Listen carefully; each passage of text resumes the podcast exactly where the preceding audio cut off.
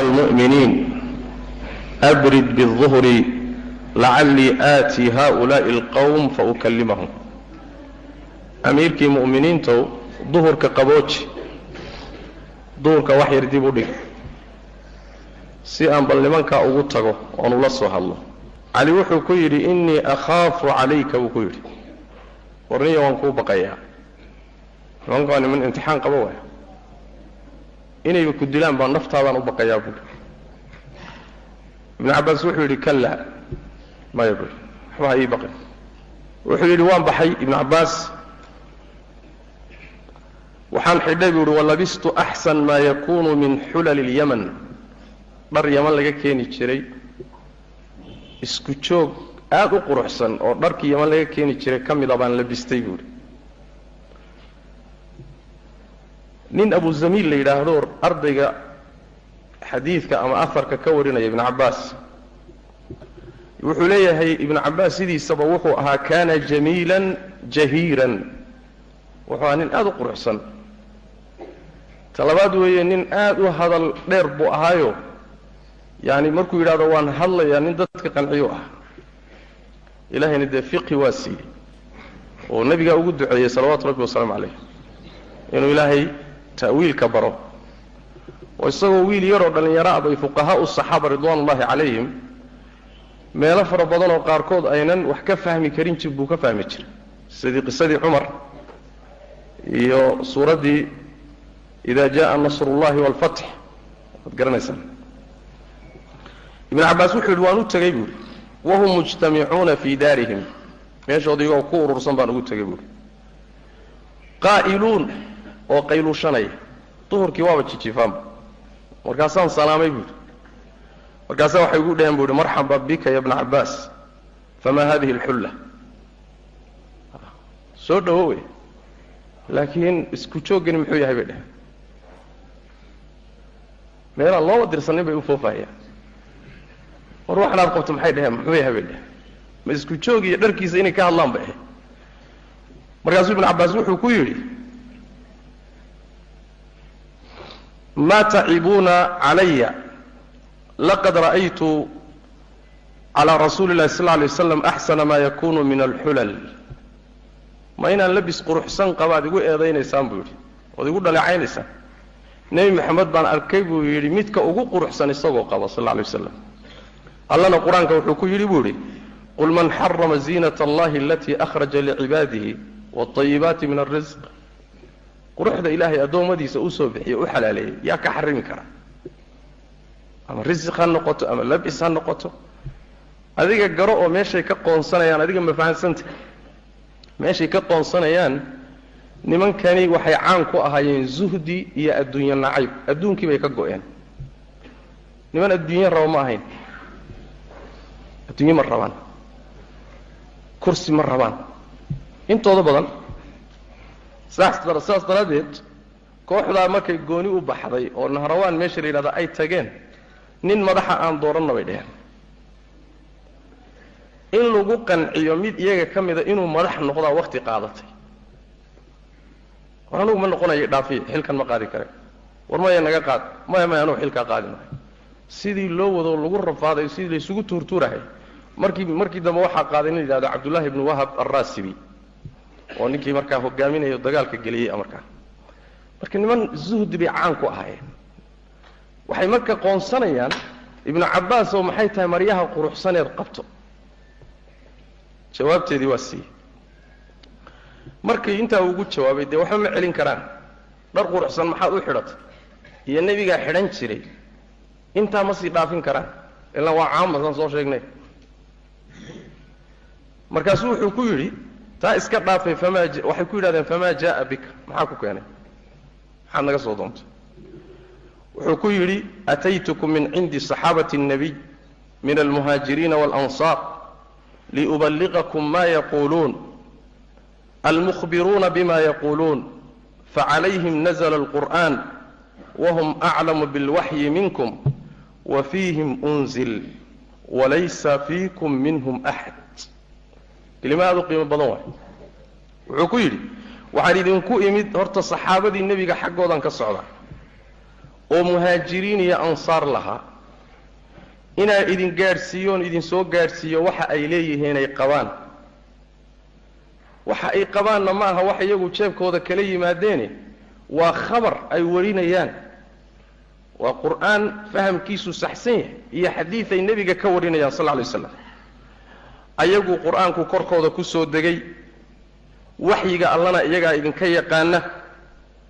Qur'aankanna ayaguba ku soo degay markuu degaya raggii joogay ee fahmayey wey. Nebigu markuu dabaqayeyna raggii la joogay wey. Ayagaa idinka awlaysan diintan idinkana yaqaana. Raggaasaan ka socdaa. War baanan ka xambaarsanah arrintaasaan idinla socdaa. Markaasuu wuxuu ku daray walaysa fiikum minhum axad raggaa muhaajiriintii ansaartae qur'aanku ku soo degay hal nin oo iyagii ka mida idinlama socdo. Faa'iide jaliila ah way meeshaa ku jirta. Waxay ku tusaysaa khawaarij hal ninoo saxaabiya lama soconin markaan u tegi doonno astaamaha lagu yaqaanaa waxaa ka mid ah hal nin oo hal nin oo culimaa oo muctabar ah dhexdooda ku arki maysa. Waa uun dad un isqanciyey iyo jaahiliin iyo da'yar un israacday waay laakiin culimmadii muctabariinta ummaddu taqaanay hal nin ku dhex arki maysa. Walaysa fiikum min axad hal ruux idinkama dhex muuqdo oo raggii ah. Waa waxa un aan la garanaynin. Markaasaa waxay yidhahdeen qaar iyaga ka mid ah laa tukhaasimuu qurayshan faina allaha yaquul bal hum qawmun khasimuun. War quraysh hala doodina. Qurayshsoo nimankuu ilaahay qur'aanka ku yidhi ma aha waa dad muran badan oo dood badan oo macangag ah. War ninkaa murankiisa ha gelina. Ibnu cabbaas markaas wuxuu ku yidhi wa ataytu qawman wuxuu cabbirayaa marka ragguu meesha ku arkay say ahaayeen. Wa ataytu qawman lam ara qawman qatu ashadda ijtihaadan minhum. Nimankaa weligay ma arag buuhi cimrigayga dad ka dadaal badan. Mushimatan wujuuhuhum min asahar soo jeedka habeenkii ay qur'aanka iyo salaadda ku soo jeedaan darteed wejigoodu waa bedelan yahay. Wejigooda waa bedelan yahayoo cibaadadii iyo sujuuddii iyo salaaddii iyo qur'aan akhriskii wejigoodii waa isbedelay kaana aydiyahum wa rukabahum tuthnaa calayhim riwaayo kale waxay leedahay yaani lowyahooda iyo gacmahoodu waxaad mooddaa inay soo laabmeen. Mid kale waxay leedahay waxaad mooddaa lowyahoodii iyo lugahooda say u sujuudsanaayeen. Sida muxuu ahaaye neefka geela ah. Yaani jilibka uu ku fadhiistoo kale soo maarka jilibka uu ku fadhiisto qolofta saaran wejigooda iyo gacmahooda iyo lowyaha iyo waa wada qolof. Maxaa saa ka dhigay? Salaad badni waay. Nebiga sifaduu bixiyey soo maaha salaadooda ma gaadhi kartaan. Qur'aan akhriskooda ma gaadhi kartaan soonkooda ma gaadhi kartaan. Sida baan ku arkay. Nimanku niman caadiya maaha raggii marka meesha joogay qaar ka mida way iska tageen. Halla hadlina marka la yidhi way iska dhaqaaqeen. Qaarna waxay yidhahdeen lanukallimannahu walananduranna maa yaquul. Waanu la hadli wuxuu leeyahayna waanu dhegaysan waanu fiirinayna. Markaasa waxaan idhi bu ihi war nebi nebi alle in gabadhiisana qabay. Muhaajiriin iyo ansaarna ka mid ahaayoo raggii ugu horreeyey ahaa maxaad ku haysataan? Cali bn abi aalib radi allahu tacala canhu ardaah. Wuxuu ka mid yahay dhowrkan inay laysku haysto rumaynta nebi maxamed ma laga horreeyey misaga mise isagaa u horreeyey. Waxaa la ysku waafaqsan yahay nin dhallinyaraa oo nebi maxamed rumeeya inuu isagu u horreeyey. Waxaa la ysku khilaafsan yahay abubakar miyaa ka horreeyey ma khadiijaa ka horraysay ma cali baa horreeyey war ninkii nooca ahaayee noloshiisa aan nebi maxamed faaruqin gabdhihiisa miduu ugu jeclaa uu u guuriyey muhaajiriin iyo ansaar ahaa ninkii isagoo nool jannada loogu bishaareeyey. War ninka noocaasa maxaad ku haysataan? Markaasa waxay yidhahdeen saddex arrimood. Maa hunna buul maxay? Yihin sheega. Waxay yidhahdeen midkood waxa weeye xakama arijaala fii amri illah ilaahay amarkiisii iyo diintiisii buu rag maskaxdooda iyo caqligooda u dhiibay oo ka taliya yidhi. Ilaahayna qur'aanka wuxuu ku yidhi in ilxukmu ila lilah in ilxukmu ila lilah xukumka ilahay baa iskale isaguna rag buu u dhiibay. Waxay dhaheen wamaa lilrajaali walilxukma lilxukmi xukm alle ragna maxaa kala galay? O wuxuu yidhi hadihi waaxida. Taasi waa mid ta labaadna waxay yidhahdeen inahu qaatala walam yasbi walam yaqnam dagaal buu galay. Markuu adkaadayna dadkii uu la dagaalamay markuu ka adkaaday xoolahoodiina ma haniimaysanin dumarkoodiina intuu addoommo ka dhigtay muusan sida dumarka addoommadaa uu isticmaalay. Haye yay ka wadaan mataqaanaa waa dagaalkii jamal dagaalkii jamal ee caaisha iyo zubayr iyo talxa iyo dagaalkii aan ka soo sheekayna waxay xalay ka soo taabannay. Baa waxay leeyihiin wuu dagaalamay oo dad buu la dagaalamay. Markuu adkaadayna dagaalka wixii ka dhalan lahaa oo ah dadka aad ku qabatayna inaad qafaalato. Xoolaha aad qabsatayna inay haniimo noqdaan muusan samaynin. Markaasa waxay dhaheen falain kaana aladii qaatala kufaaran laqad xalla sabyuhum wahaniimatuhum dadkuu la dagaalamayay hadday gaalo yihiin dee qafaalkooda iyo haniimadooduba way bannaan tahay walain kaanuu mu'miniin hadday dad mu'miniina ahaayeenna maa xalla qitaaluhum inuu la dagaalamo ooma bannaanayn. Laba mid dadku ama gaalay ahaayeen dhah ama mu'miniin muslimiin bay ahaayeen. Hadday muslimiin ahaayeen dagaalkooduba ma bannaanayn. See buu la dagaalamay. Hadday gaalo ahaayeenna xoolahooduna inuu qaatuu ahaa dumarkoodii carruurtoodana uu qafaasho midna muusan samayn haye haadihi aaniya fama buui taasi waa tii labaade ta saddexaad ku dara. Ilaan waxaa la rabaa yani munaadarada sideedaba markaad gelayso waxaa fiican. Khasmigaaga inaad ka dhammaysato horta waxa uu kugu haysto. Mid mid tiri. Si uusan gadaal wax uga soo gocanin waa imise dheh soo ma? Ta saddexaad raaciya buu ku yidhi. Markaasaa waxay yidhahdeen inahu maxaa nafsahu min amiiri اlmu'miniin fahuwa amiiru اlkaafiriin soo ma amiiru lmu'miniin buu heshiiskii markii la qoraya magaciisa ka tiray hadduusan amiiru lmu'miniin ahaynna waa amiiru lkaafiriin gaalada amiirkooda waay see buu amiiru lmuminiin isaga tiri karaa magaciisa meesha uga bi'in karaa markaasaa wuxuu waxaan idhi bu idhi acindakum siwa haada intaa waxaan ahayn miyaad haysaan mise intaa unbaad ku haysataa markaasa waxay dhaheen xasbunaa haada intaa un waay markaasuu mid mid u dabagalay wuxuu ku yidhi ara'aytu in qara'tu calaykum min kitaabi illahi wa min sunnati nabiyihi maa yaruddu bihi qawlakum atardawn? Haddaan idinku akhriyo buu idhi kitaab alle xaggii iyo sunno nebi xaggeeda haddaan idinkaga akhriyo wax hadalkiina radinaya ma qanciysaan waxay yidhahdeen haa waxaan meesha u joognaba inaan qanacno wey. Markaasaa wuxuu yidhi amaa qawlukum xakama arijaala fii amri illaah arrinta aad dhahdeen rag ra'yigiibuu ilaahay kitaabkiisii u dhiibay. Taa iyada ah waxaan idinku akhrinayaa buu idhi qur'aan alle. Arnab bakayle lacagtii. Bakayle la ugaadhsaday oo ruuxu isagoo xarman u ugaadhsaday soo bakayle maaha qiimihiisi iyo lacagtiisu markaa wuxuu yidhi waa rubcu dirham dirham afar meelood loo qaybiye meeshii buu joogaa. Kaasuu ilaahay taladiisa rag u dhiibayoo ha xukumeen yidhi wuxuu keenay aayaddii yaa ayuha aladiina aamanuu laa taqtuluu sayda wa antum xurum ilaa uu ka gaadhay yaxkumu bihi dawaa cadlin minkum. Soo ma? Waxaa xukumaya arrintaa neefka ugaadha aada dishay neefka u dhigma ee lagaa rabo inaad bixiso waxaa xukumaya laba ruux oo caadiliin ah oo idin ka mid ah. Ayib markaasaa wuxuu ku yidhi bakayle rubcu dirham ah. Miyaa ummadda nebi maxamed dhiiggeeda ka qaalisan buu ku yidhi. Bakayle rubcu dirham ah.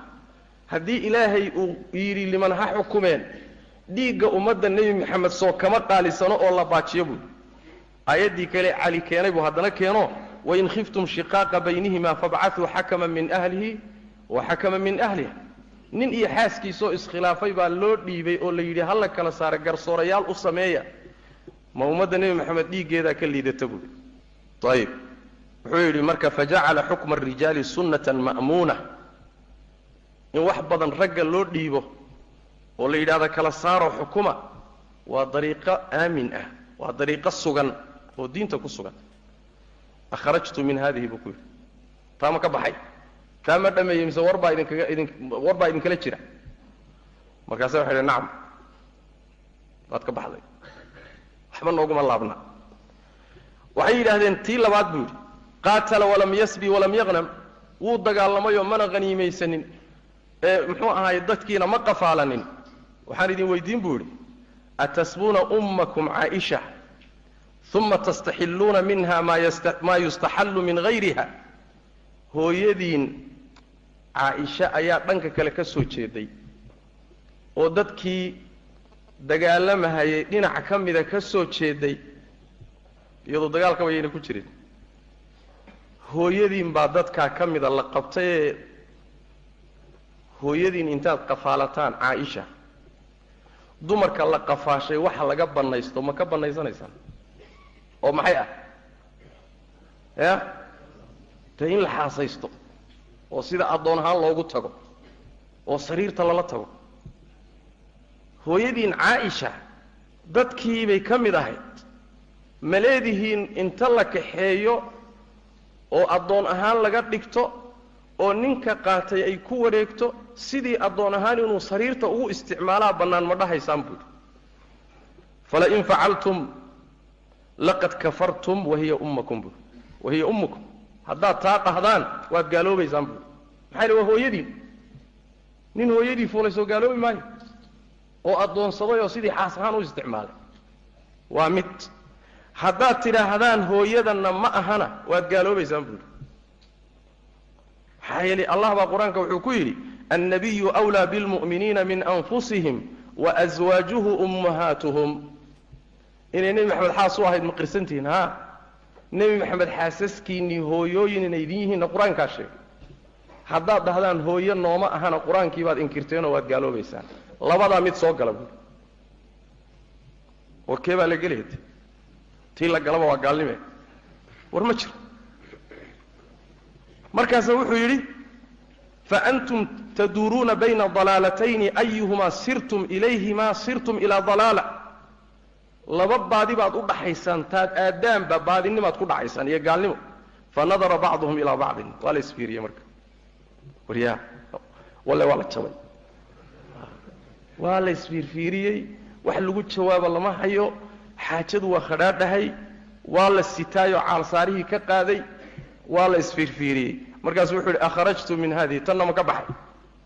Waxay yidhaahdeen nacam ha iyadana waa dhammaysta tii wuxuu u yimid magiciisuu tiray.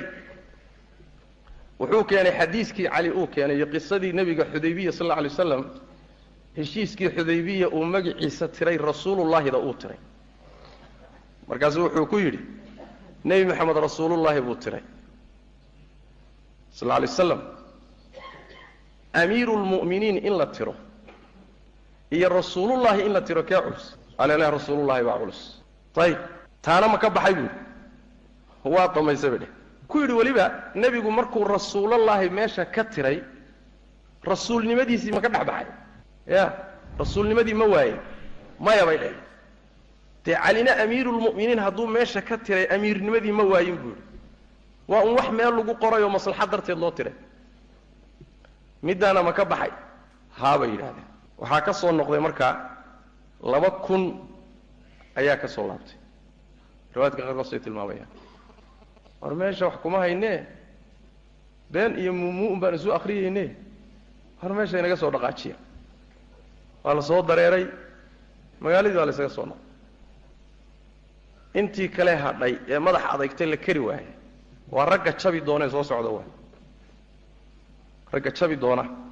Ee cali uu dhihi jiray xukma allaahi yuntadaru fiikum. Soo garan maysaan xalay aan soo marnay. Xukumka alle ayaan idinla sugi waay. Ka alle baa laydinla sugi. Aarkan waxaa soo saaray xaakim wuxuu leeyahay saxiix calaa sharti muslim. Sidoo kaleete waxaa ku waafaqaya alimaamu dahabi. Keyrkoodna way soo saareen culamada qaarkoodna way taxsiininayaan. Aarkaas cabdullahi bni cabbaas iyo munaadaradiisu isaguna way sugantahay maxaa dhacay marka? Raggii soo laabtamay intii kale meeshii bay ku hadheen. Cali bn abi aalib waa kaan soo sheegno wuxuu ka ballan qaaday. Haddaydaan dhiig daadinin dhib iyo fasaadna aydaan la imaanin. Idin layn mayno. Idinlana dagaalami mayno. Gacantanada waa idinka ilaalinayna fayga gaalada laga soo qabsadana waxbaan idinka siinayna masaajidanadana idinka celin mayno. Laakiin waa haddaydaan fasaad ku kicin. Meelihiinna iska qalqayliya meelihiinna iska qaylqayliya laa xukma ila lilah meelaha ku haya. Laakiin wax tilaabo ah haddaad qaadaan nabadnaa ilaykum alxarb. Dagaalun baad markaa ku talagelaysa nimanku waa niman tala xun oo cilmi yarida caqli yari iyo tala xumi baa u dheer. Diin la'aan baa u dheer. Markiiba farsaxun way ku kaceen. Alimaamu abari wuxuu soo saaray ahar sidoo kale ibn abi shayba sheekh xaafid xaafid ibn xajar uu leeyahay sanadkiisu waa saxiix. Aharkaasi wuxuu leeyahay wuxuu ka warinaya can طariiqi ayub can xumayd ibni hilaal can rajuli min cabdilqays kana min alkhawaariji uma faaraqahu. Nin dadkii markii hore raacay ka mid ahaa oo ka soo cararay markuu arkay balaayada socota. Ilan dad badan baa ku kadsoomiya oo mujaahidiin moodi laakiin markuu meesha waxa ka jira arkay buu soo cararay weliba qarsoodi buu ku soo cararay in la dilu ka yaabo ninkiibaa war bixiyey. Wuxuu leeyahay ninkaa isaga ah dakhaluu qaryatan fakharaja cabdullaahi bnu khabaab saaxibu rasuli sal alay slam nimankii tuulay galeen magaalay galeen. Magaaladii markay galeen cabsi geliyeen oo la argagaxay waxaa soo baxay ninkii saxaabigaa la dhihi jiray cabdullaahi ibnu khabaab ibnu arad. Oo nabiga saxaabadiisa ka mid ah asagoo wuxuu soo baxay aada u argagaxsan oo yajuru ridaa'ahu gu-iisa jiidaya. Ilan magaaladii waa la isgalay yani waxa weeyaan inuu xataa si fiican maradiisa u hagaajiso waa ka gaari waay. Argagax buu ku soo baxay. Markay arkeen baa waxay yidhaahdeen lam turac. Laguma argagixiyo. Waxba ha nixin. Waxba ha baqin. Wuxuu uhi wallahi laqad dacartumuunii ilaahay baa ku dhaartay waad iga nixiseen waadna cabsi geliseen waad i argagax geliseen. Markaasaa waxay ku yidhahdeen a anta cabdullahi bnu khabaab saaxibu rasuuli illah war adugu ma ninkaasaa tahay. Cabdullahi ibnu khabaabkii saxaabada nebiga ka mid aha sooma tiid markaasuu yidhi haa. Waxay ku yidhahdeen fahal samicta min abika xadiidan yuxadiu bihi can rasuuli illah aabbaha khabaab ma ka maqashay isagoo nebiga xadiid ka sheegaya fitnada ku saabsan? Ma ka maqashay isagoo nebiga xadiid ka sheegaya fitnada isagoo sheegaya fitnaa dhici doonta markay halkaa gaadho. Waxaad noqotaa cabdullaahi yani khabaabow addoonka la dilaya noqo ee wax ka dilaya gacanta leh ha noqonin. Markay muslimiinta gacantoodu isgaadho ka dhimanaya la dilaya noqo ee ka wax dilaya marna ha noqonin. Xadiidkaa ma maqashay bay dheheen alilaahi haabu nebiga waan ka maqlay aabbahay waan ka maqlay. Markaasay su'aalo kale weydiiyaan waxaa ka mid ahaa cuhmaan iyo cali ka war ma gaala mise waa muslimiin? War maye waa muslimiin oo waa khaliifatu rasuuli llahi oo waa kan oo waa raggii qiimaha lahaa. Ma nimankaasaa muslimiin ahaa waa soo qabteen marka. Webiga intay qarkiisa geeyeen ayay luqunta ku dhufteen. Qoortay u caseeyeen. Dhag! Wuxuu leeyahay raawiga xadiidka warinaya fasaala damuhu kaanahu shiraaku naclin. Dhiiggiisii ayaa webiga biyihii webiga ku qolqulay oo galay marka dhiiggii isma bedelin biyahana ma dhexgelini sida kabta indhasheedoo kale suunka oo cidhibta ka wareega kabta aada qabto. Suunkaasoo kale isagoo oo dhiiggii dhuuban oo taxan ayuu biyaha kor socday buuhi intaa mayna ku gaabsanine haweenay addoontiisa ahayd oo uur u lahayd oo la socotayba iyadiina intay intay qabteen. Bay ilmihii uurkeeda ku jiray iyadiina dileen ilmihii uurkeeda ku jirayna soo tuureen. Hor maxaad ku gelaysaan hadda waa gaalo murtadiin ah. Oo hadduu gaal murtadaya xataa carruurtiisa ma la soo tuuri ilmaha uur ku jira xataa ma la soo tuuri sidii bay sameeyeen. Nimankaasi u fiirso. Markay dhiigga saxaabiga gelayaan oo ilmaha yarkaa soo tuurahayaan oo waxaasoo dhan ku kacayaan oo naxariis la'aanta iyo qalbi adayg iyo qallaafka iyo macangegnimada heerkaasa ku kacayaan u fiiri si haddana masaa'il yaryar oo basiid ah. Gaalada arrimaheeda siday u qadarinayaan fiiri. Riwaayadu waxay leedahay riwaayadan dambe ama intan dambe ibn abi shayba soo saaray sanad saxiixa sidoo kale wuxuu leeyahay qaar iyagii ka mid a baa iyagoo cabdullaahi ibnu khabaab wada weli intayna dilin ah ayaa waxay soo mareen xabad timira oo geed timira ka soo dhacday. Mid iyaga ka mid ah intuu qaatay buu afka geliyey. Mid kalea la hadlo wuxuu yidhi hamaratu mucaahad fa bima staxlaltaha gaalo cahdi lagula jiro oo ballan muslimiintu kula jiraan baa geedkan iskale midhuhu ka soo dhaceen. Maxaad ku xalaashatay buui ood ku cuntay. Xabadda timirta. Fa alqaaha min fiihi. Markiiba wuu tufay. Bal adugu u fiirso. Xabad timiroo gaalleeya mucaahadba ha ahaadee. Maxaad u cuntay buu leeyahy kanna waa tufahaya dadkii dadka ugu khayr badnaa dhiiggoodiina waa daadinaya. Bal adigu u fiirso waxaa ka daran haddana way socdeenoo wuxuu soo mareen doofaar. Uu iyadana mid gaala leeyahay. Mid iyaga ka mid ah seef ku dhuftay. Markaasaa wuxuu ku yidhi ku kala wuxuu ku yidhi khinziiru mucaahadin fa bima istaxlaltahu? Buu ku yidhi doofaar gaal leeyahay. Gaalkaana muslimiinta uu cahdi kula jiro. Inaad seef ku dhufato maxaad ku bannaysatay? Buui sheeg waxaad ku bannaysatay. Wuxuu yidhi kac tago ka soo xalaasha buuhi ninkii aad doofaarkiisa dishay. Cabdullahi ibni khabaab markaa way wadaan weli mayna dilin. Markaasu wuxuu ku yidhi alaa adullukum calaa maa huwa acdamu calaykum xurmatan min hada warnimayo ma idiin sheegaa wax waxaasoo dhan idinka xurmad weyn oo ka xurmo weyn oo ka khatarsan. Markaasa waxay dhaheen haa. Waxay wuxuu yidhi waa aniga. Doofaar inaad ilaalisaan. Xabad timir oo keed ka soo dhacdayna iska ilaalisaan ruux muslima haddana muslim caadi aan ahayne saxaabiyana dhiiggiisa gashaan warnimayo anaa ka xurmad weyn. Oo dee aaway caqligii kaa dhegaysan laha aaway qalbigii naxariistii kaa dhegaysan laha adeer kaxeeyaa la yidhi meeshaa geeya. Isagoo ashaadanaya qoorta ka gooya. Kadibna waxay bilaabeen intaa inayna ku gaabsanin inay magaalooyinkii galaan oo baadiyihii dadkii laayaan oo xoolihii dhacaan oo ilaa ay xataa qaar iyagii ka mida laba yaabeen iyagii baaba qaarkood xataa wixii meeshay wax marahayaan qariibsaday ilaa ay yidhaahdeen waylakum maa calaa haada faaraqnaa caliyan bay yidhahdeen. War balaayo allaha idinku ridee? Cali waxaan uga soo tagnay matanay ahay. Ma inaan dadka argagax gelinno oon magaalooyinka dadka layno oo aan nabadgeliyada qasno oo aan xoolaha dhacno oo ilmaha uurka ka soo saarno war ma taasaan cali uga soo baxnay see wax idinka yihi iyaga laftoodii baa qaar isqoonsaday oo ilan markay hawshu fogaato qaarun baa dib u soo carari. Inta hore waxoogaa ee yaro dhadhowdah laakiin markay hawshu meel fog gaadho ninkii waxoogaa yaro qalbigiisa ku jiray dib buu u soo carari. Wallaahi sidan ma moodaynin waay. Arrintaa markay dhacday cali bn abi aalib radia allahu tacala canhu ardaa khaliifatu lmuslimiin. Ma war baa yaalla marka? Soo ballantii mayna bixin oo dadkii mayna laynin oo xoolihii mayna qaadanin oo argagax mayna abuurin ballantii bay ka baxeen. Cali radia allahu tacala canhu waa u tegey marka ciidankiisii buu kaxaystay waa baxay waa dul tegey. Wuxuu ku yidhi idfacuu ilayna qatalata ikhwaanina minkum linaqtulahum bihim. Raggii walaalahaya dilay ee gacan ku dhiiglayaashaa noo soo dhiiba si aan ugu dillo u qisaasno haddaad sidaa yeeshaanna waa iska kiindaynaynaa shaam iyo meeshaa iyo mucaawiya aan u soconnaa. Ilaahay inuu quluubtiinna soo celiyaa dhici karta. Idinku degdegi mayno. Laakiin raggii gacan ku dhiiglayaashaa soo dhiiba. Farriin bay u soo fareenoo waxay ku yidhaahdeen kullunaa qad qatalahu. Bal adugu macagegnimada intaa leeg arag adeer waxay yidhahdeen mid gooniya haddaad doonayso kulliganna waan dillay bay dheheen raggannaga meesha jooga dhowrka kun ah gacantannadii way ku wada dhacday. Marka yaad qisaasani.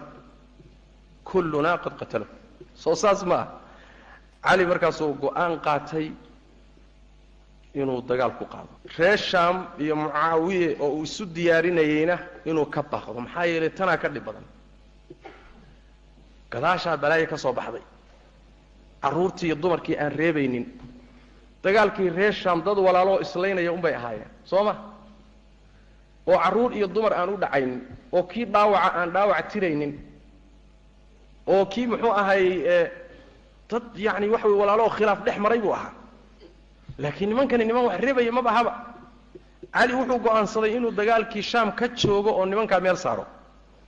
Meeshii baa la tegey nimankii waa madax adeygeen ciidankiisii buu cali marka khudbo u diyaa uu khudbo kala hadlay oo uu hadal u jeediyey. Wuxuu ku yidhi ayuha annaas inii samictu rasuula allahi sal ly slam waxaan maqlay rasuul alle oo dhahaya yakhruju qawmun min ummatii yaqra'uuna alqur'ana laysat qiraa'atukum ila qiraa'atihim bishay walaa salaatukum ila salaatihim bishay walaa siyaamukum ila siyaamihim bishay yaqra'uuna alqur'ana yaxsabuuna anahu lahum wa huwa calayhim laa tujaawizu salaatuhum taraaqiyahum yamruquuna min alislaami kama yamruqu asahmu min alramiya war nabigaan maqlay buuhi dadow oo dhahaya sal lay slam waxaa ummaddayda soo bixi doona dad qur'aanka akhrinaya. Oo akhrintoodu akhrintiinna markii la garab dhigo tiinnu ayna waxba noqonaynin. Salaadoodu tiinna markii la garab dhigo tiinnu waxbaba ma ahaba. Soonkoodu kiinna markii la garab dhigo waxba soonkiinnu ma aha. Qur'aankay akhrinayaan oo aada u akhriyaan. Waxay moodayaan inuu qur'aanku ayaga la jiro waase ka jiraa waxay moodayaan inuu qur'aanku ayaga la jiro. Waase ka jira ayaga korkooda way iyaga iyagu ma laha. Salaadda ay tukanayaanna kalxamaha uma dhaafayso. Islaamnimaday ka dhex baxayaan. Sida leebku meesha lagu ganay uga dhex baxoo kale. Wuu sii wado wuxuu yidhi waxaa nabiga ka maqlay isagoo leh walow yaclamu ljeyshu aladii yusiibuhum maa qudi aw maa qadaa lahum cala lisaani nabiyihim sal lay waslam latakaluu can ilcamal waxaan maqlay buuhi nabigiinoo dhahaya ciidanka kuwaa la dagaalami doona waxa ilaahay u xukumay ee agtiisa u yaalla hadday ogaan lahaayeen camalka kaleo dhan wayba iska dayn lahaayeen. Intaasayba ku tashan lahaayeen. Waxa kaloo dhan intaasaaba kala weynaan lahay.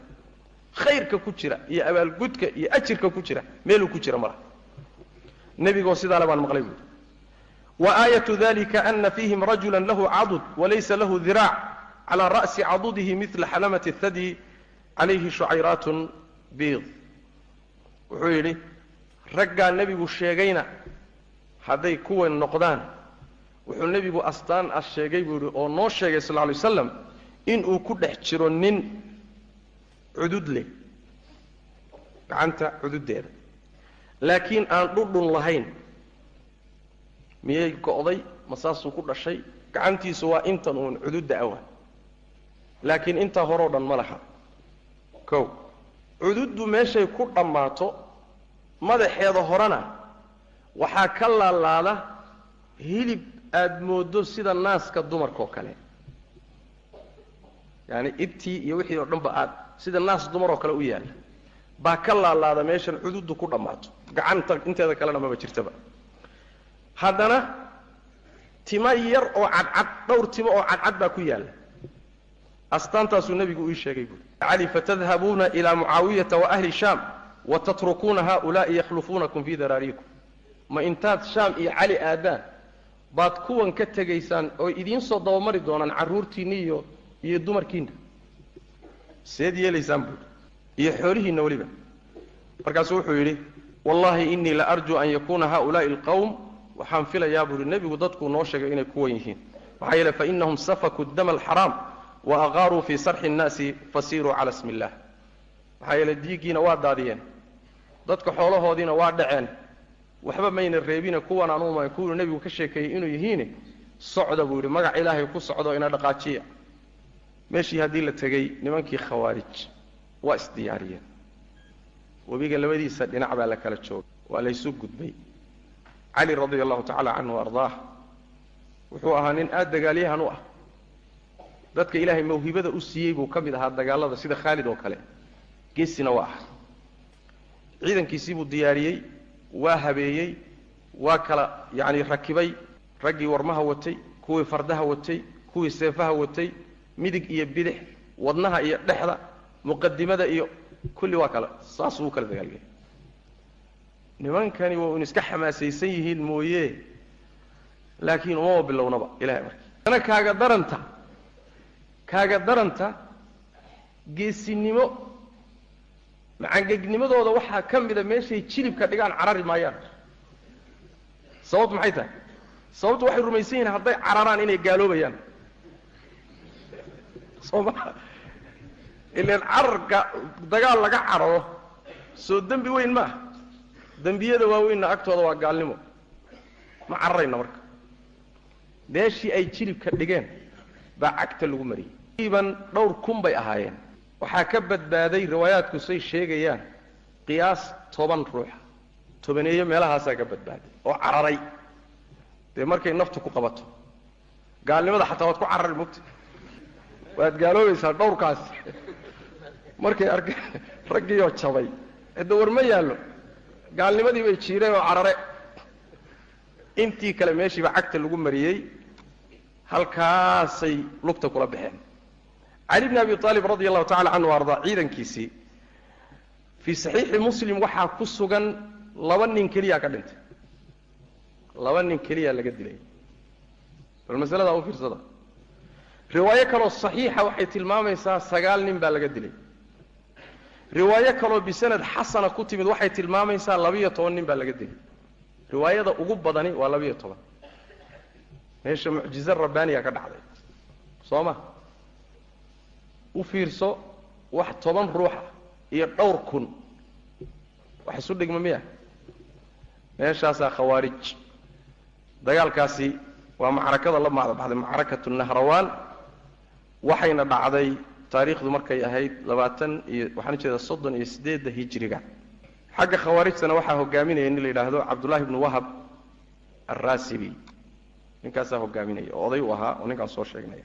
Halkaasay ku dhammaatay cali bn abi aalib radi allahu tacala canhu waa ka nastay khawaarij dib baa fikirkii iska abaabuleen oo dhowr dambay soo kaceen oo dagaallo damba way galeen laakiin xilligaasay u jabeen mudday maqnaayeen. Laakiin mayna dhammaanin cararay iyo raggii fikirka ku hadhay gadaal dambe waa la tashaday. Waxaa lagu tashaday raggii nahrawaan lagu laayay in loo in loo aaro. Ayaa majlis isugu timid waa qaabka marka ay dabarayaan inay shirqool iyo qaab qarsoodiya wax ku laayaan. Ibn abi aalibin radi allahu tacala canhu ardaah. Axaadiista sugan waxay tilmaamaysaa in nebigu u sii sheegay in la dili doono weliba loo sheegay meesha nabarku kaga dhici doono ninka dili doonana inuu nin shaqi a yahay. Intaaba wuu sii hayay. Cali marka wuxuu yidhi latukhdabanna haadihi min haadihi famaa yantadiru bi alashqaa garhkayga waxaa qoyn doona dhiig madaxayga ka soo dara ee ninkii ahlu naarka ahaayee taa samayn lahaa muxuu ila sugayaa saxaabadii maqlaysay raggii la joogay waxay ku yidhaahdeen yaa amiira almu'miniin akhbirnaa bihi nubiiru citratahu noo sheeg ninka uu yahay qaraabadiisa o dhan baanu cagta marinaynaa. Ninka sidaa yeeli doona noo sheeg. Markaasaa wuxuu yidhi cali idan tallaah taqtuluuna bi hayra qaatilihi haddaad saa yeeshaan oo dad uun iska laysaan ninkii i dilay ninaan ahayn baad dilaysaan. Soo ma? Iska soo qaba aabbihii weeye iyo walaalkii weeye iyo xaaskiisii weeye carruurtiisii weeye oo warkaa islaamku ma yaqaano mogta laa taziru waasiratun wisra ukhra. Ninna ninka kale jariiradiisa looma dilo. Marka waxa weeye hawl halisaad gelaysaan buu. Axmed iyo bayhaqi iyo abu daawuudin tayaalisi baa soo saaray. Xadiidkaasi cali bn abi aalib waa sugan yahay. Inuu sidaas warka arrinta u hayay nebiguna ugu sheegay salawatu rabbi waslamu caleyh taasaa marka timid oo wakhtigeedii la gaadhay. Sanadkii afartanaad marka la joogo ayaa warka waxaa dhacday waxaa kulmay saddex nin oo uu ka mid yahay cabdiraxmaan ibnu camr ibni muljim. Isaga iyo laba nin oo khawaarij ah baa kulmay.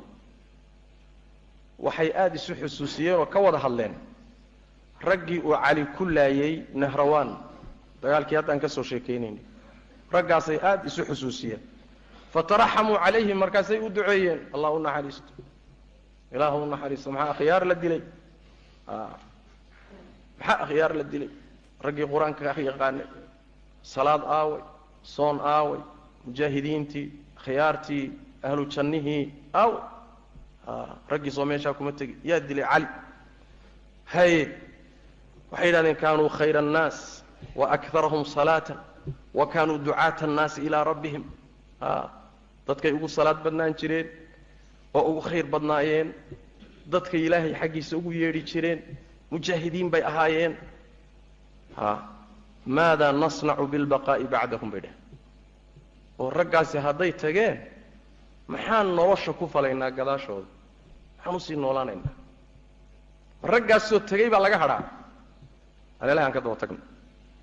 Maxaan samaynaa way marka? Waxaynu samaynaynaa.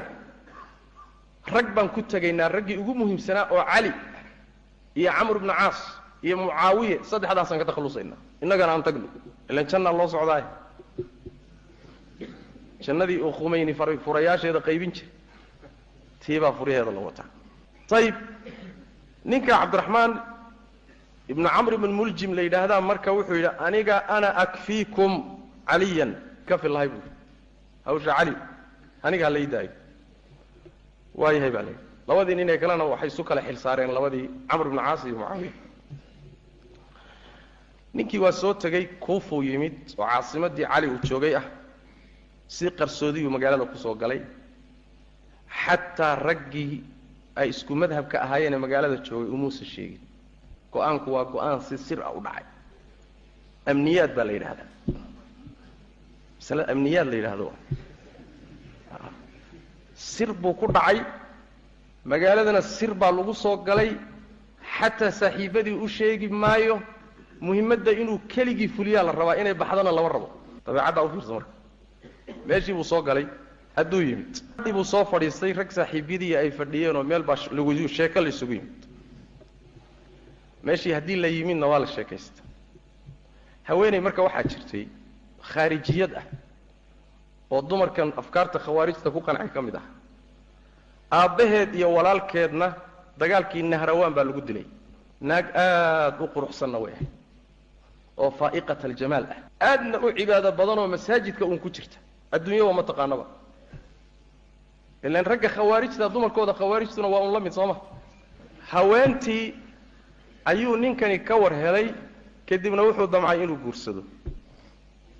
Way wada hadleen waxay tidhi waa ku guursanaya laakiin saddex shardi saddex shardi qaar dhaqaalay ku saabsanaayeen laakiin waxaa ka mid ahaa midka saddexaad ahaa inaad cali soo disho. Aabbahay iyo walaalkay ninka dilay. Khiyaartiina laayay.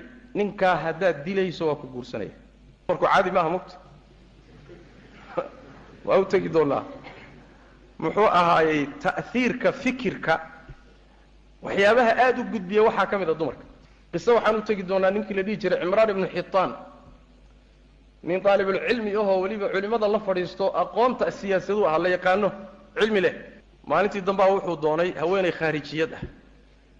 War iska daa baa la yidhi khaariji bay kaa dhigin war ka joog maya maya maya ma naag baa aniga ibaadiyeyni xeradaa soo gelin buuri war ka joog maya ilaahay wuxuu qadaray maalintii dambe fikirkeedii unbuuba la shir yimidba sanad saxiixa buu ku sugan yahay aharkaasi wuxuuna ibnu xajar ku keenay tarjamadiisa muxuu ahaaye tahdiibu tahdiibka bisanadin saxiix. Khaariji buu noqday marka dambena waa u tegi doonaa cali marka la dilay cabdiraxmaan ibnu muljimkan cali dili doona ninka gabayga u tiriyey waa oo inuu ahlu jannaya. Naag baa galaafatay khaarijiyada. Waxay xusuusisay qiso cajiibo nin hadda qoladan takfiirka ka mid ah iska caamay buu ahaa.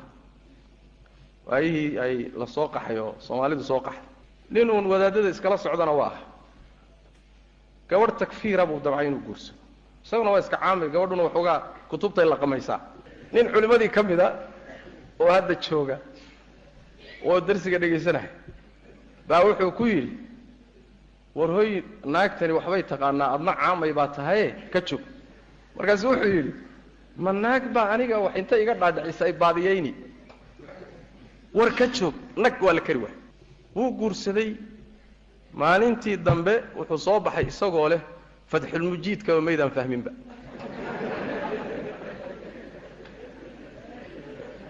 Fatxulmujiid bay u akriday markaasay ku dabagediday markaas wuxuu soo baxay isagoo le wadaadow fatxulmujiidba ma aydan fahmin. Waa ninka meeshan iigu yimid nairobi ee yidhi adiga iyo ninka la yidhaahdo shariif cabdinuur baa soomaali baadiyeynahay oo gaalaysiinaya waa caamay hadda wuu joogaa waa caamay waxba uma bilowno. Marka waxaan ku keenay qisada wayla gashaye waxaan ku keenay haweenayda cali tidhi waa ku guursanahay ay soo dili. Markaasu wuxuu ku yidhi ya. A ninkii cali dilay ha ninkii cali dilay haweentii tihi waa ku guursanay marka wuxuu ku yidhi markay tidhi haddaad soo dilayso waa ku guursanaya. Wuxuu yidhi oo ma wax kalaaban magaalada u imid. Ya. Waxaa la yidhaahdaa taqaatucu lmasaalix baa la yidhahdaa danaa kulmay. Isagoo markii horeba meesha u socday dhurwaa meeshu u socday usha loogu dhuftay adiga ma maqasho go'aankiibuu gaadhay. Kadibna markuu arrintii muxuu ahaayey uu go'aankeeda qaatay khulafaa uraashidiin lama waardiyeyn jirin sida qaalibkaa sida madaxdan hadda maanta jirtoo kale.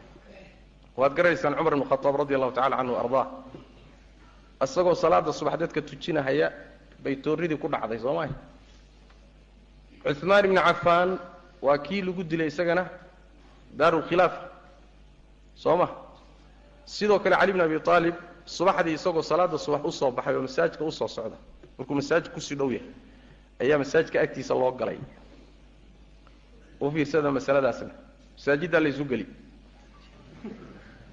Masaajidda marka laga soo baxay ama masaajidda loo sii socdo adeer meel kale madraasatid salaad subax buu u sii socdaa masaajidkuu u sii socdaa meeshaa loo galay.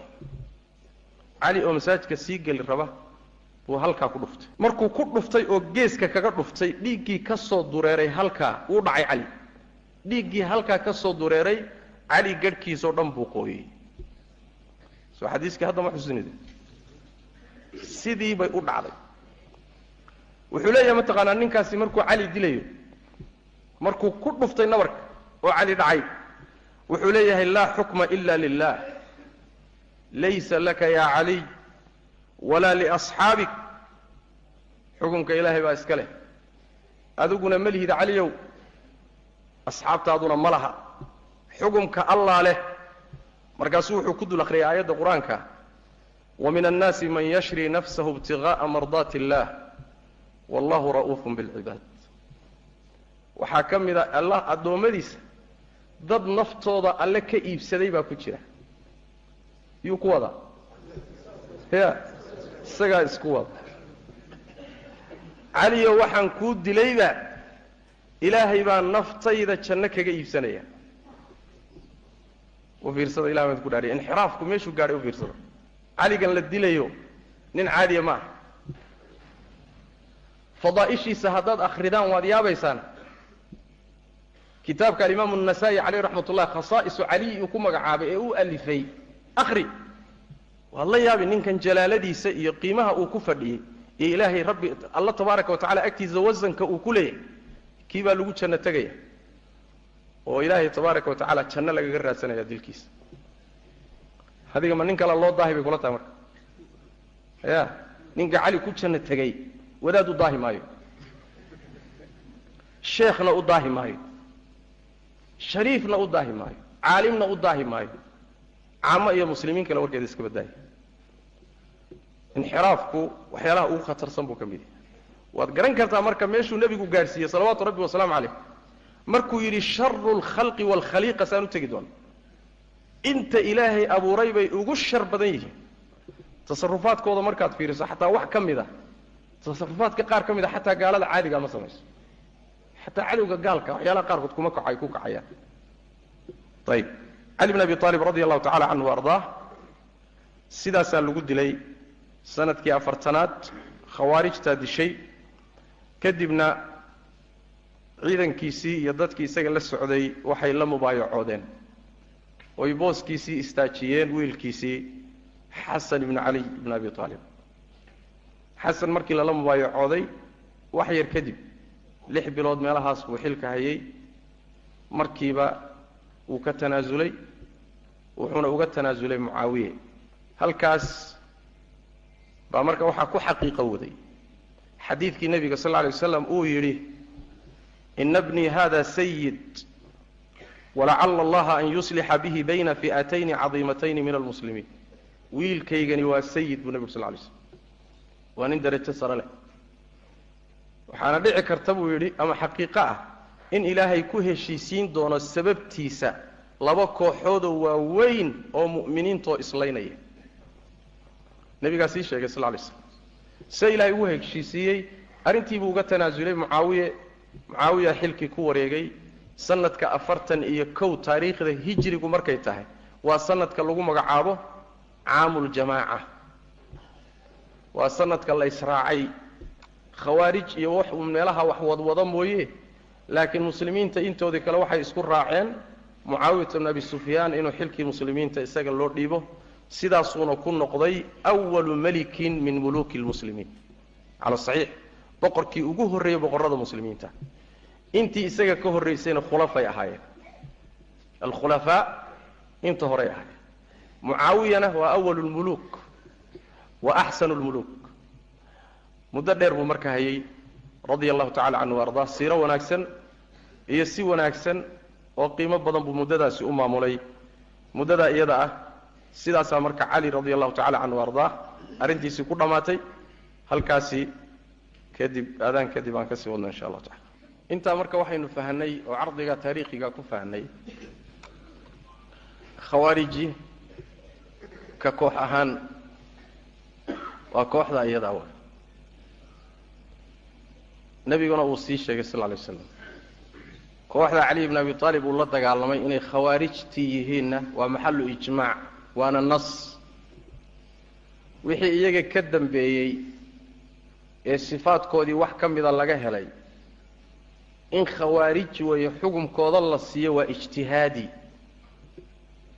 Waana u tegi doonaa leanna waxay ka mid tahay tanziilu alaxkaam cala alacyaan waalaxwaal waalwaqaa'ic waa qadiya ijtihaadiya waa. Laakiin qoladaa hore inay khawaarij yihiin nas bay ahayd. Waxaa yeelay astaantii cali bn abi aalib nebigu u sheegay sal alla alay wasalam sideedii baa loo helay. Markii la laayay kadib oo dagaalkii dhammaaday buu cali wuxuu ku yidhi ninka noocaasa ha la soo raadiyo. Ninkaan idiin sheegay astaantaala ha la soo raadiyo. Waa la tegey. Nimanka maydkoodii aada u badan baa la dhex maray waa la soo waayay. Markaasuu yidhi ilaahay baan ku dhaartee maa kadabtu walaa kudibtu. Ilaahay baan ku dhaaree anna been ma sheegin nebi maxamedna been iima sheegin sal alay wasalam arrintu xaqiiqo jirta weeye dib ugu noqdo soo baadha. Waa la raadiyey waa la raadiyey waa la raadiyey. Waxaa loo tegey ninkii oo dhowr nin oo dhintay ay kor saaran yihiinoo hoostooda ku jira oo nimankii baa laga kor qaaday isagii baa la soo bixiyey. Mise calaamadii iyo astaantii gacantee nebigu tilmaamay waa sideedii waa. Sal alla alay waslam markaasaa cali bn abi aalib wuxuu yidhi sadaqa allahu wa rasuuluh ilaahay run buu sheegay rasuulkiisuna run buu sheegay. Taa marka waxay caddaynaysaa kooxdaasi qaطcan wabiduuni khilaaf wabiاnnas wabilijmaac khawaarij bay ahaayeen.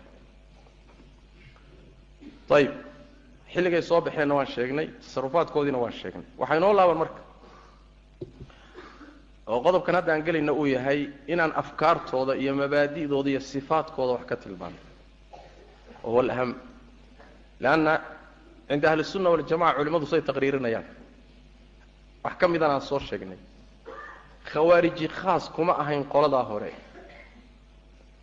Ee cid kastoo sifaadkooda laga helo waxay qaadanayaan xukumkii khawaarijta inay jiri doonaanna xadiidkoodii waan soo sheegnay ilaa ka ugu dambeeya ama gadaashooda uu ka soo baxo dajaal.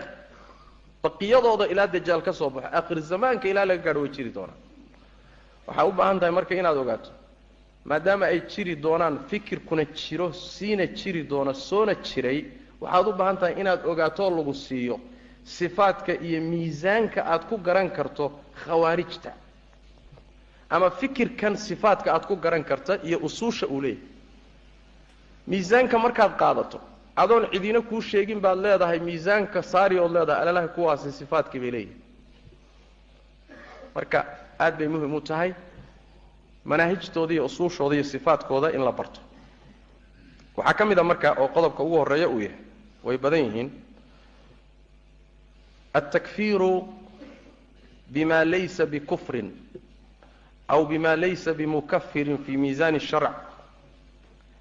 In dadka lagu gaalaysiiyo oo diinta lagaga saaro dadka muslimiinta ah waxaan gaalnimo keenaynin. Miisaanka sharciga marka la saaro waxaan ruuxu uusan ku gaaloobaynin oo diinta kaga baxaynin ayay dadka diinta kaga saaraan oo riddo ugu xukumaan. Asalkooda ugu weyni kaa isaga markaan leenahay altakfiiru nnaasi bima laysa bikufrin aw bima laysa bimukafir waxay ka guda weyn tahay inaan idhaahno takfiiru nnaasi bilkabaa'ir dunuubta waaweyn bay dadka ku gaalaysiiyaane shirkiga ka sokeeya. Macnaha ka daqiiqsani wuxuu yahay dadka waxay ku gaalaysiiyaan waxaan gaalnimo keenaynin miisaanka sharciga oo muxuu noqon karaa dembiyada waaweyn baa ka mid a. Oon gaalnimada gaadhsiisnayn sida zinada iyo khamrada lacab iyo wixii la mid a wuxuu noqon karaa inay shay waajib oo diintuba waajib ka dhigtay iyagu intay gaalnimo u qaataan inay dadka diinta kaga saaraan. Sida arrintii hadda cali bn abi taalib heshiiskii soo ma heshiisku in la galo dhiigga muslimiinta la baajiyo ama mustaxab buu ahaa ama waajib buu ahaa? Ayaguna maxay ka dhigeen? Ya wax lagu gaaloobay ka dhigeen miisaanka shareecada marka la fiiriyana ama waa waajib ama waa mustaxab. Ayib waxaa ka mid a maalan marmarka qaarkood waxyaalo iska bannaan oo mubaaxaad ah baa dhici karta inay dadka ku gaalaysiiyaan.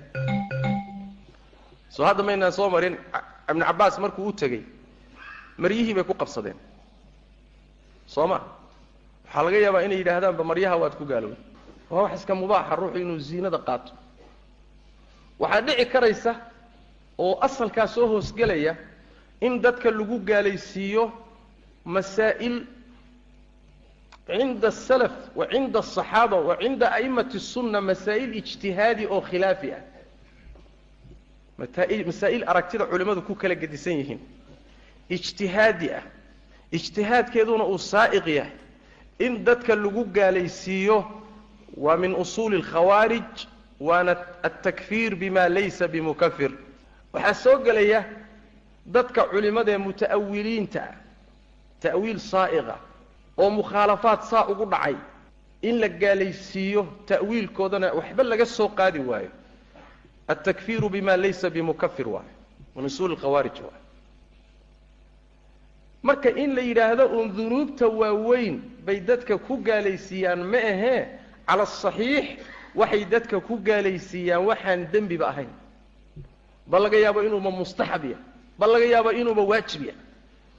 Iyaga caqli yaradooda iyo faham yaridooda iyo cilmi yaridooda intay si kale u qaataan bay intaa ku ekaan maayaan waxay ka ratibayaan inay dadka ku gaalaysiiyaan oo diinta kaga saaraan markay dadkaa gaalaysiiyaanna waxay ula dhaqmayaan marka axkaamtii gaaladay siinaya. Daartoodu waa daar gaalo mucaamaladoodu waa mucaamalo gaalo waa lala dagaalami dhigoodaa la banis waa u tegi doonaa ayib asal maxaa waa masalada iyada asal waxaa u xadiidkii aan soo marnay nebiga sal lla alay waslam dulkhuwaysira markuu u yimid. Dulkhuwaysira markuu u yimid muxuu ku yidhi?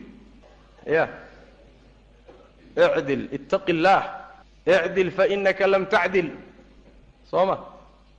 Maxamedow cadaalad samee cadaalad maadan samaynine. Nebi maxamed wuxuu sameeyey.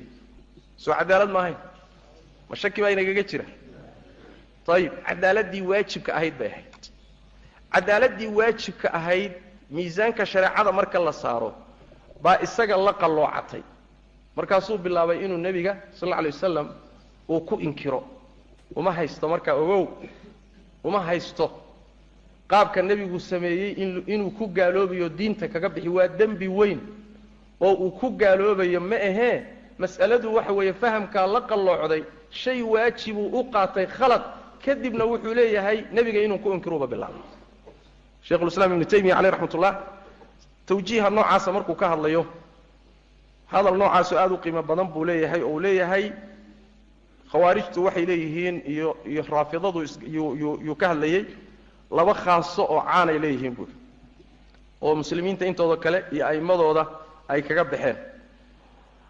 Ta koowaadi waxa weeyaan bu uhi khuruujuhum can الsunna wa jacluhum maa laysa bisayi'atin sayi'a inay jidkii dariiqadii sunnada ka baxaan waxaan sayi'a ahaynna ay sayi'a ka dhigaan aw maa laysa bixasanatin xasana waxaan xasano ahaynna inay xasano ka dhigaan waana miday nebiga hortiisa ka muujiyeen buu yidhi oo ninkaa dulkhuwaysirata tamiimi la yidhaahdo uu nebiga hortiisa ka muujiyey markuu ku yidhi icdil fainaka lam tacdil nebiguna yidhi waylaka ida lam acdil laqad khibtu wakhasirtu waman yacdil ida lam acdil wuxuu leeyahay ibnu taymiya caleyh raxmat ullah shaykhulislaam markuu yidhi fainaka lam tacdil waa jaclun minhu lificli الnabiyi safahan wa tarka cadlin icdil markuu leeyahay nebiga falkuu sameeyey buu wuxuu ka dhigayaa wax khaldan oo cadaaladdii nebigu uu ka tegey.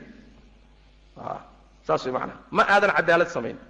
Markuu leeyahay cadaalad sameena wuxuu amrayaa wuxuu markaa isagu ictiqaadsan yahay inay saxsantah ictiqaadkiisii iyo fahamkiisii buu rabaa nebigu inuu maro. Adiga taada waa khaldantahay tayda soo raaca waa warka murtidiisa waad khaldan tahay nebi maxamedow. Isoo raac taydaa saxsan. Marka waxaan saxsanayn buu sax ka dhigaya. Wixii saxsanaana khalad buu ka dhigaya. Ciddii ka saxsanaynna waa xukumaya.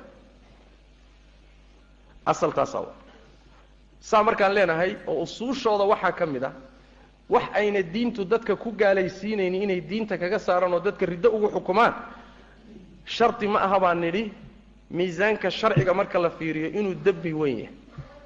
Waxba shardi maaha maxaa yeele saan soo sheegnay waxyaala mubaaxay dadka ku gaalaysiin oo iyagu markaa ay ismoodsiiyeen. Waxyaala mustaxabay ku gaalaysiin waxyaala waajibay ku gaalaysiin.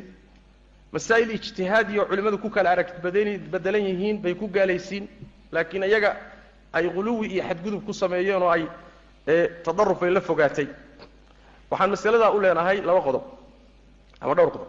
Waa midda koobaade khawaarijtii ugu horraysay ee cali bni abi aalib ku baxday.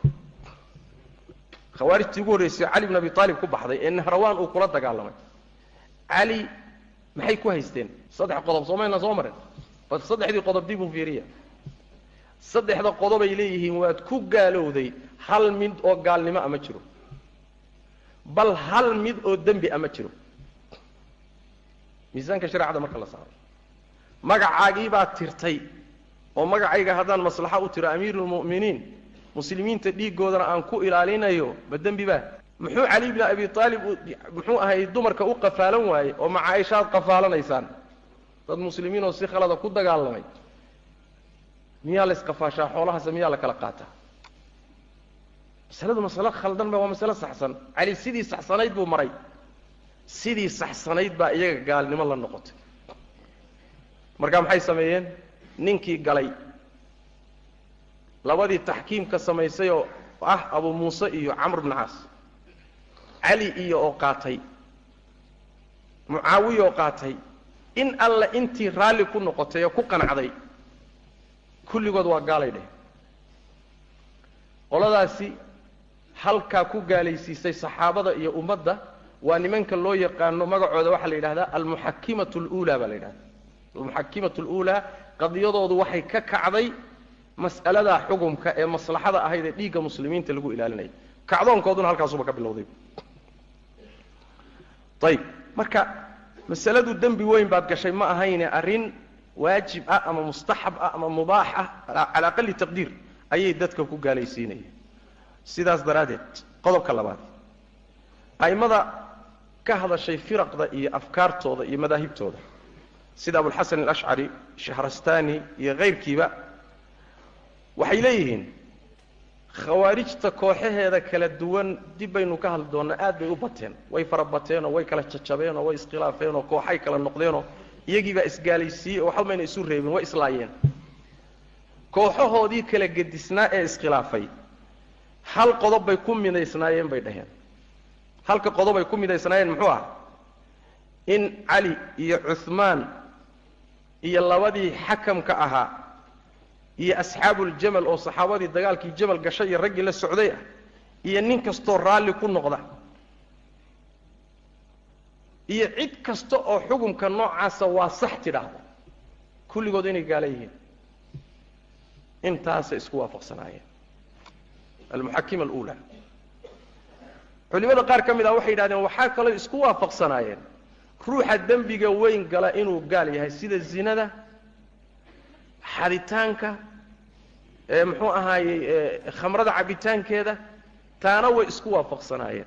Ra'yigaasina sida saxda ah sawaab ma aha. Khawaarijta firaqdeeda qaar ka mid ah ma aynan qabin dunuubtaa waaweyn dadka gala inay gaala yihiin. Mayna ku gaalaysiin jirin. Qaar firaqda ka mid a sida nimanka la yidhaahdo najadaadka oo kaleeto. Atbaacu najdin najda. Nin najda la dhihi jiray koox raacday oo aada u xoog badnayd oo khawaarijta ka mid ahayd ma aynan qabin ruuxa zinaystay inuu gaaloobayo. Ruuxa khamrada cabay inuu gaaloobayo. Murtakibulkabiira inuu gaaloobayo maynan qabin. Bal waxay qabeen khaasatan hadduu kooxdooda ka tirsan yahay inuu yahay kaafiru nicma nin nicmada ilaahay ku gaaloobay laakiin diintan kama bixin bay dhihi jiray walaysa fiihi kufru diin aw kufru ridda. Masaladaasi waxaan qasadkan ka leeyahay ay tahay. Dad fara badan oo aan ka warhaynin firaqda iyo afkaartooda. Baa markaad ku tidhaahdo warniyo afkaartii khawaarijta. Wax ka mida kaas kaa muuqda. Wuxuu leeyahay anugu ma qabo dadkan muslimiinta ee dembiyada waan waaweyn gelaya inay gaala yihiin saas daraaddeed fikirkaas haddaanan qabin khaariji ma ihi. Waxaan garanayaa nin dhallinyaro ah oo afkaartan dadka aada ugu adada ka mid ahay oo maraykanka jooga oo maalin aad aan u wada hadalla waaniyey. Waan ku yidhi war afkaartan wax badan oo ka mida niyo. Markii sunnada iyo kitaabka iyo dariiqii salafka iyo kutubta la darso wuxuu aada ugu muuqdaa in ay nasca khaarijiya ka muuqato. Waxyaalo fara badan oo la samaynayo markaasuu wuxuu yidhi say ku dhici kartaa annaga ma qabno murtakibulkabiira inuu gaal yahay. Waxaan ku idhi ruuxa inuusa murtakibulkabiira inuu gaal yahay intaa hadduusan qabin khaarijinimo kaga badbaadi maayo. Bal isagoon intaa qabin buu khaariji noqon karaa. Daliilna waxaa u ah qoladii ugu horraysay ee nasan khaarijiyada u noqotay wax ku soo arooray ma jiro axaadiista nebiga sal lla alay wasalam in ay qabeen murtakibulkabiira waa gaal. Laakiin waxaa soo aroortay mas'alada ay saxaabada ku gaalaysiiyeen waa masaladaas waa. Marka adiga aniga dadkan inay gaalo yihiin ma qabo. Intaa keliyata ku badbaadin mayso sifaad kaloo fara badan ooy leeyihiin haddaad gasho oo ay kaa muuqdaan oo usuul kalooy leeyihiin aad ku dhacdo intaasina ay kaa maqan tahay kuu shafeeci mayso si aad uga badbaaddo khaarijinimada. Aad bay masaladaasi muhiim u tahay waana god ay dad badan ku dhuuntaan. Qaar fara badan baa godkaa gala. In masaladaasi ay caddaatana waa laga maarmaan ayib qodobkaasi marka waa asalka ugu weyn usuushooda oo gaalaysiinta muslimiinta iyo diinta in laga saaro riddo lagu xukumo waxaan gaalnimo keenaynin usuusheedii iyadoon la marin ehelkeedii iyagoon ahayn dad yaqiin ahaan loo hubo inay muslimiin yihiin oo daahirka marka la fiiriyo islaamnimadoodu ay muuqato in diinta laga saaro riddo lagu xukumo.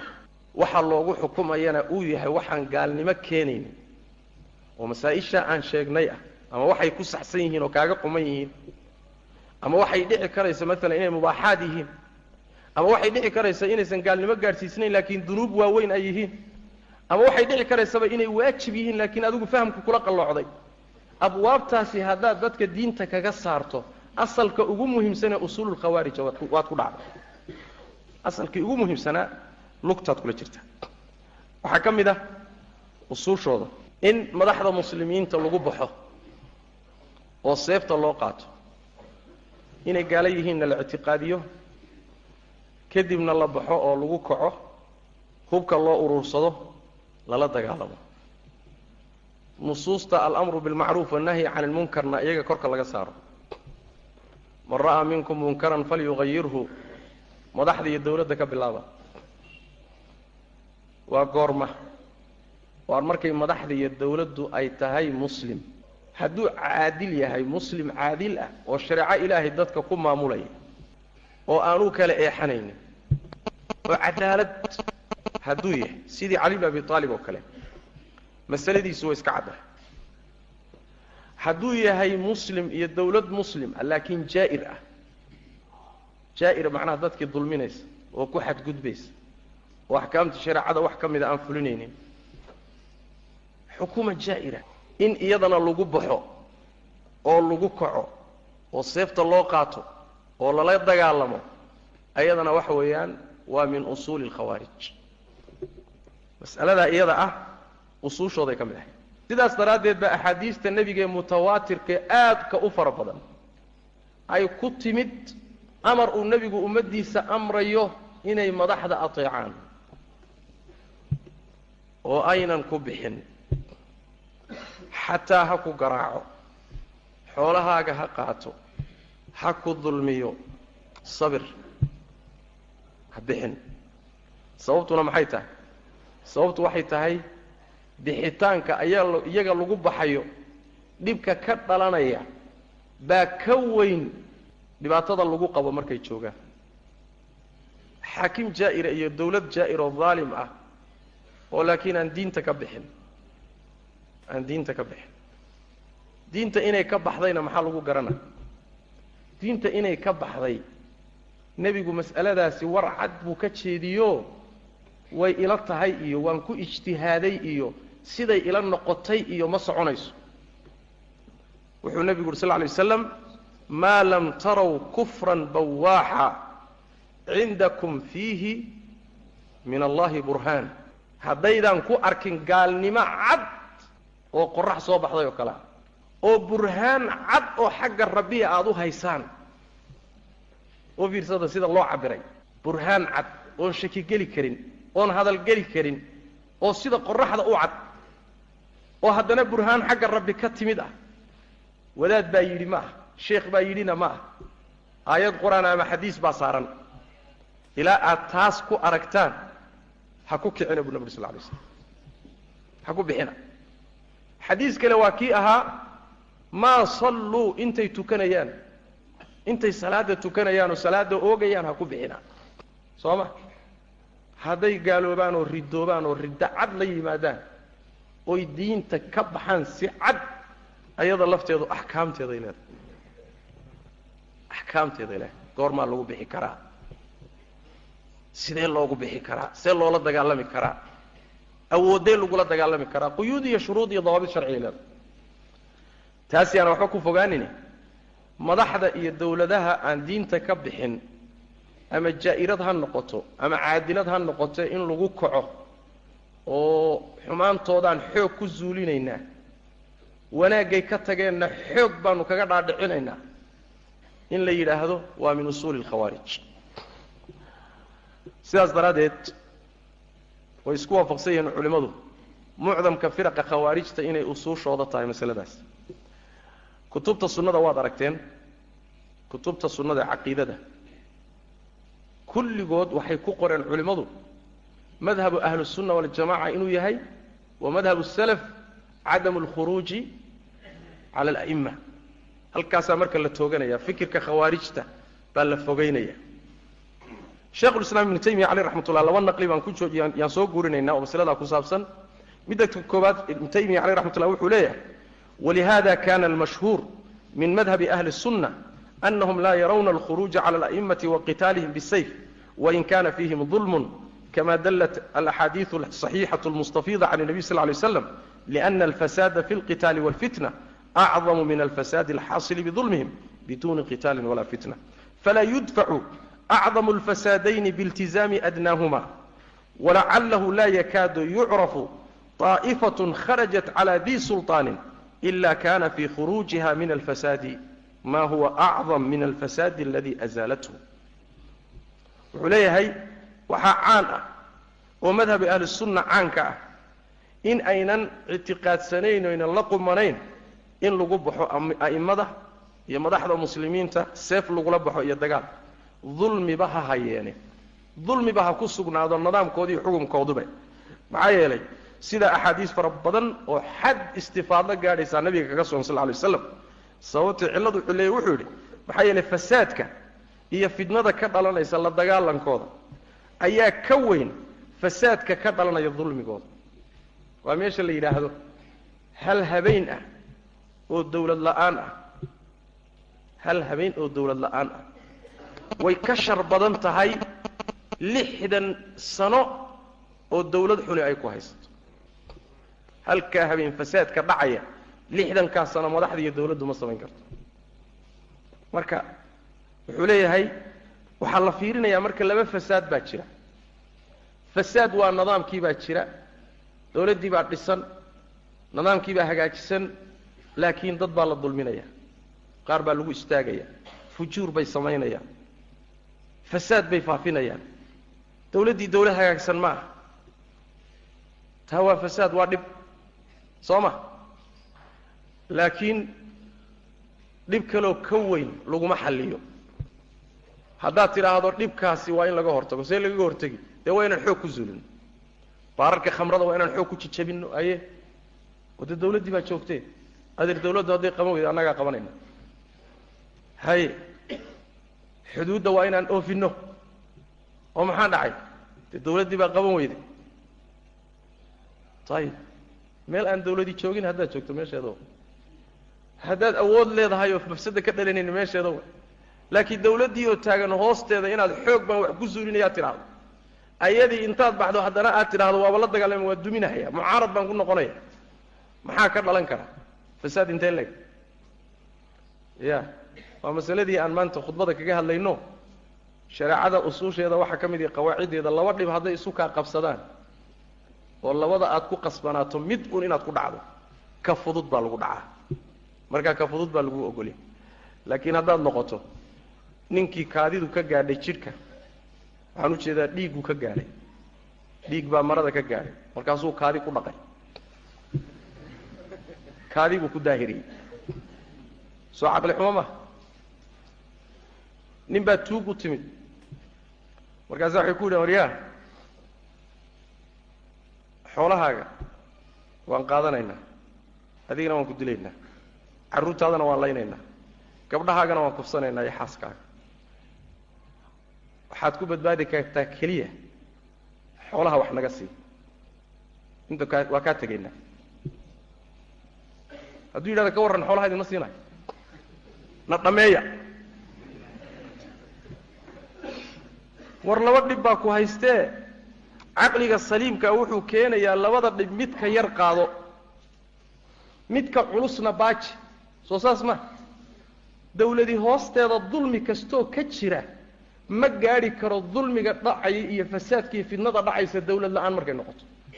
Soomaalina waxaan u malayn darsigaa inay si fiican u hayso soo ma haysaan darsigaas si fiican buu idin dhaadhacsan yahay mar kalood halmaantaanba laakiin hadda wuu idin dhacsan yahay ilaa ya un sida noo dhaamaad leedahy ilaahay sida haynoo dhaamo. Masalada iyada ah waa sidaas oo usuushooda marka waxaa ka mid a in a'immada iyo madaxda iyo dawladda lagu kaco. Sidoo kaleeto wuxuu leeyahay shekhulislaam ibnu taymiya aleyh raxmatullah hadalkan aan ugu dambaysiinaya ee wuxuu soo guuriyey nimankii niman waxaa jiray salafkii ah oo qaarkood ay culimo ahaayeen oo kacdoon sameeyey. Fikirka khawaarijta iyagu mayna qabin lakiin ijtihaadaad baa u geeyey. Dawlado iyo nidaamyo markaa jiray bay ku kaceen wuxuu keenay fikraddii ibnulashcad wuxuu keenay ibnulmuhallab wuxuu keenay ninkii la dhihi jiray muxuu ahaayey nin kaluu keenay rag dhowruu keenay.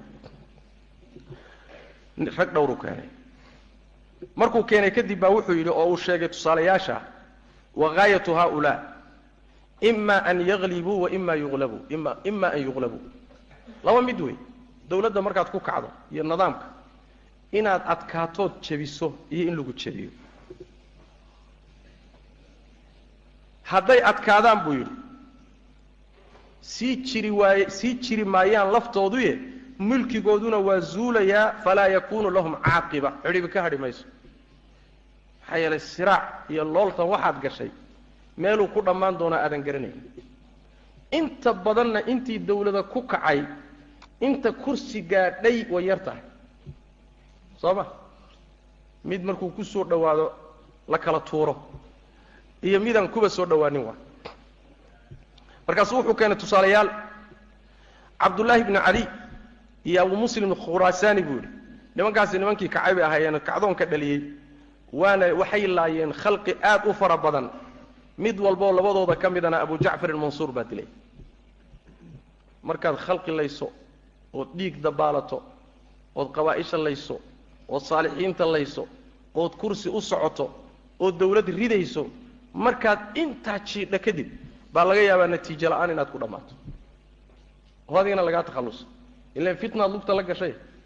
Away madaxdii soomaaliyeed ee fitnada bilaabay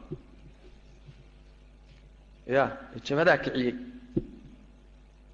nin kursi ka gaadhay waa nin mid silicsan gaadhay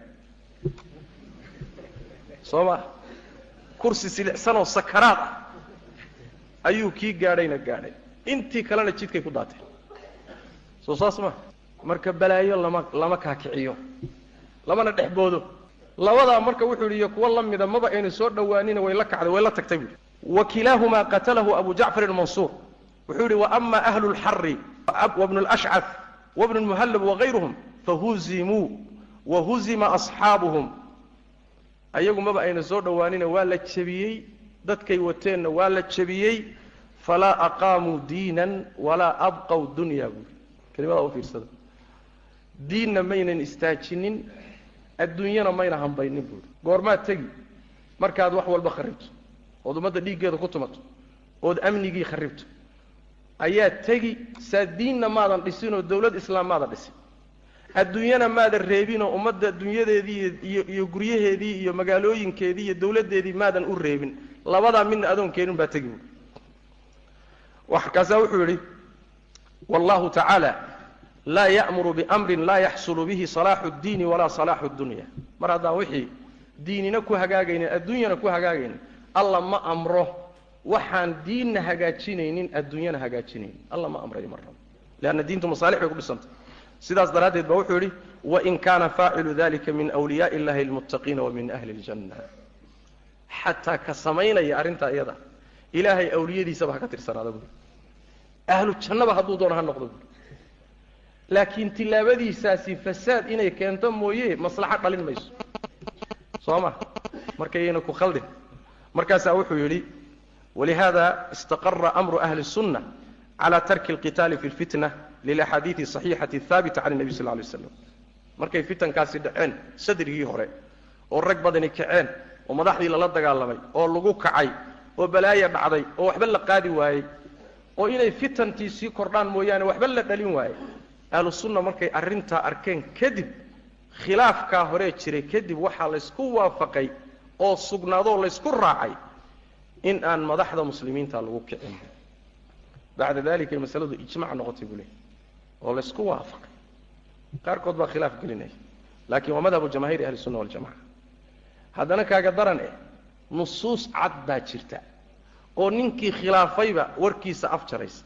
Hadda haddii la yidhaahdo bacdu culamaai sunna khilaafsan oo imaamka jaa'irkaa khaasatan khilaafsan haddee nusuustii nebigaa meesha taalla sal lla alay waslam nusuustii nebigu hadday meesha taallana sheekh hebel baa yidhi warkiisa meel saar wax soconaya maaha arrintaa iyada ah oo sidaa u cad kadib baa wuxuu ihi ibnu taymiya wasaaruu yadkuruuna hada fii caqaa'idihim waya'muruuna biالsabri cala jawri اla'imati wa tarki qitaalihim sidaasay marka kutubta sunnada ee caqiidada ee culimmada sunnada ay ugu timid mas'aladu inaan madaxda lagu bixin fitankaa markay dhasheen oo dhibaatadaa lasoo maray kadib ayay arrintaasi soo baxday. Axaadiistaa faraha badanna ku soo aroortay. Arrintaa marka waxay ka mid tahay usuusha ay khilaafsan yihiin khawaarijtu usuusha ay khilaafsan yihiin khawaarijtu oo ah madaxda jaa'iriinta khaasatan lagu kaco. Labadaa asal iyo tii xalay oon dhammaystirnay ayaan insha allahu tacala darskeenna caawa ku gabagabaynayna waynu habeen dambe insha allahu tacaala iyo sifaadkooda iyo usuushooda wax ka mida oon sii wadi doono hada wabillahi towfiiq wsali allahuma wslm cala nabiyina muxamed wcala alihi wasaxbi waslem